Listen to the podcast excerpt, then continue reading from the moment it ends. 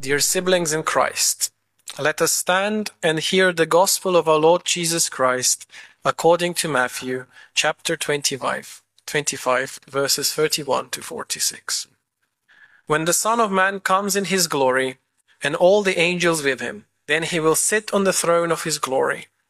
All the nations will be gathered before him, and he will separate people from one another, as a shepherd separates the sheep from the goats. And he will put the sheep at his right hand and the goats at the left. Then the king will say to those at his right hand, Come, you that are blessed by my Father, inherit the kingdom prepared for you from the foundation of the world. For I was hungry, and you gave me food. I was thirsty, and you gave me something to drink. I was a stranger, and you welcomed me. I was naked, and you gave me clothing. I was sick, and you take, took care of me. I was in prison, and you visited me. Then the righteous will answer him, Lord, when was it that we saw you hungry and gave you food, or thirsty and gave you something to drink? And when was it that we saw you a stranger and welcomed you, or naked and gave you clothing? And when was it that we saw you sick or in prison and visited you? And the king will answer them, Truly I tell you, just as you did it to, the, to one of the least of these who are members of my family, you did it to me. Then he will say to those at his left hand, You that are accursed, depart from me into the eternal fire prepared for the devil and his angels. For I was hungry, and you gave me no food. I was thirsty, and you gave me nothing to drink. I was a stranger, and you did not welcome me. Naked, and you did not give me clothing. Sick and in prison, and you did not visit me. Then they also will answer, Lord, when was it that we saw you hungry or thirsty, or a stranger or naked, or sick or in prison, and did not take care of you? Then he will answer them, Truly I tell you, just as you did not do it to one of the least of these, you did not do it to me. And this and these will go away into eternal punishment, but the righteous into eternal life. Amen. Please be seated. I have one question for you. What have the goats done wrong? Nothing. They just existed, and then Jesus came and decided he needed to preach and started talking about goats and sheep and how some go into eternal fire and others inherit the kingdom. Igor, you say, don't you see it's a metaphor? Well, I don't like this metaphor because it just doesn't work. Immediately, it is clear that Jesus was not a shepherd by profession and did not know what he was talking about. Please tell me what kind of shepherd takes his flock, separates the goats and the sheep, or I don't know, cows and horses, and then decides that now I'm going to kill all the goats just because they're not sheep. Or let's think about it a bit more. Let's say this shepherd had a flock of sheep that he had to look after, but other animals appeared and he looked after them too. And then one day he thought, wait a minute, I only have to look after the sheep. Sounds like a very weird shepherd to me. You may now be sitting here wondering, what do I want to achieve with this example and thought experiment at the level of a first year bachelor student in biblical studies? What I want to point out with this example is that nothing in the Bible is ever straightforward and sh or should be taken for granted. Dear listeners, you may already be tired of me. When will the sermon get some sense? When will he start talking about exciting things, about those who are going to hell or heaven? Okay then, let's keep this bad metaphor in mind and with some skepticism take a look at the rest of the text. I've heard many sermons in my life on the subject, among evangelicals, conservative Christians, liberals as well, but especially those who belong to traditions where sermon texts are not prescribed by the church calendars. Such passages like this are very popular. They are sometimes abused with the aim of scaring people into becoming Christians. Whether intimidation is a good or bad way of, spread, of spreading the gospel, I cannot say. What I can say is that it puts us in a situation where I personally know a number of people who do not dare to go to church because they think they're too sinful to do so. Or people who do not want to go to church because all they have experienced is sermons about how God hates them. And I know people who are happy to come to church and are willing to serve the church and the neighbor, but the church leaders tell them, no, people like you are not allowed to serve in the name of our church. I want to draw your attention to the fact that in our gospel passage, there is no mention whether those who, so to speak, go to the left or to the right, to eternal punishment or to the kingdom of God, are believers or not. In the gospel passage, we see that those who go to heaven are actually surprised that they have been able to serve God in one way or another. They don't have a clue what they did. They ask, Lord, when was it that we saw you hungry and gave you food, or thirsty and gave you something to drink? And when was it that we saw you a stranger and welcomed you, or naked and gave you clothing? Clothing. And when was it that we saw you sick or in prison and visited you? Interestingly, those who are going to eternal punishment ask a very similar yet different question. Those who will inherit eternal fire are asking the question, Lord, when was it that we saw you hungry or thirsty or a stranger or naked or sick or in prison and did not take care of you? Let me repeat the distinction. Those who go to heaven will ask, when did we serve you? And those who go to hell ask, when did we not serve you? So those who go to heaven had no idea they were serving God. And those who don't think, yeah, so those who go to heaven had no idea they were serving God. Those who don't think they were serving God all along. Often we think that serving God is something special. It's about following certain rules or practices, whether it be moral standards whatever that means, or church law, praying, or reading the Bible, attending worship, preaching, reading, or who knows what else. I want to share a personal story with you.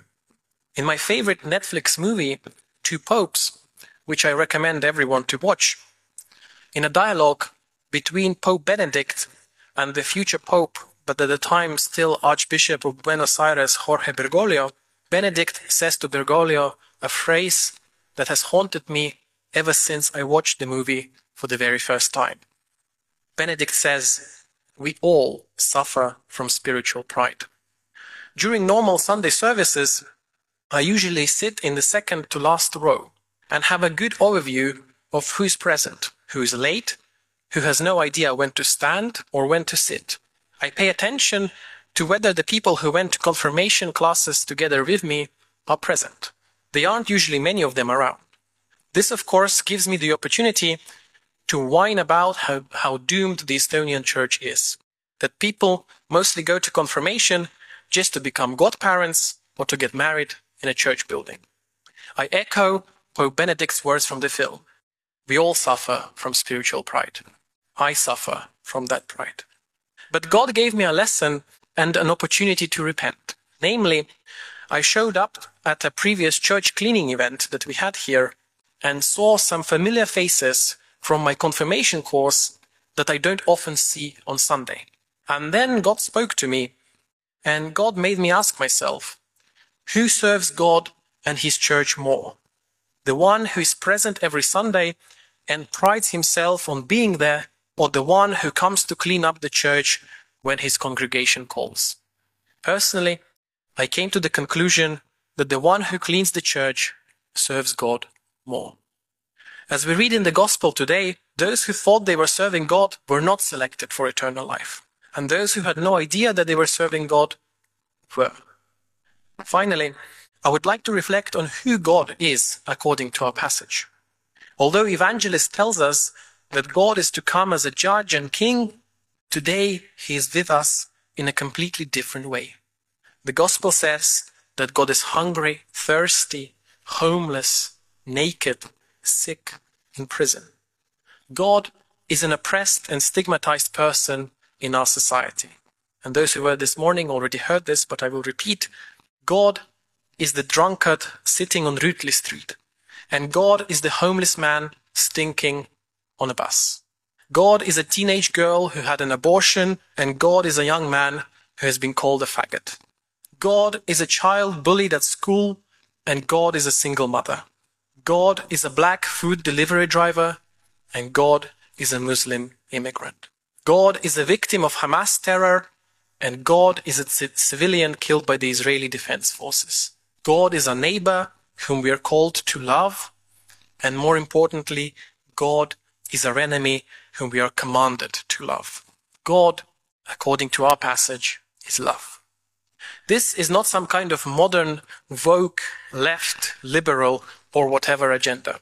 In the mid 19th century, Soren Kierkegaard held that the only intrinsic attribute of God is love, which is at the core of the divine essence.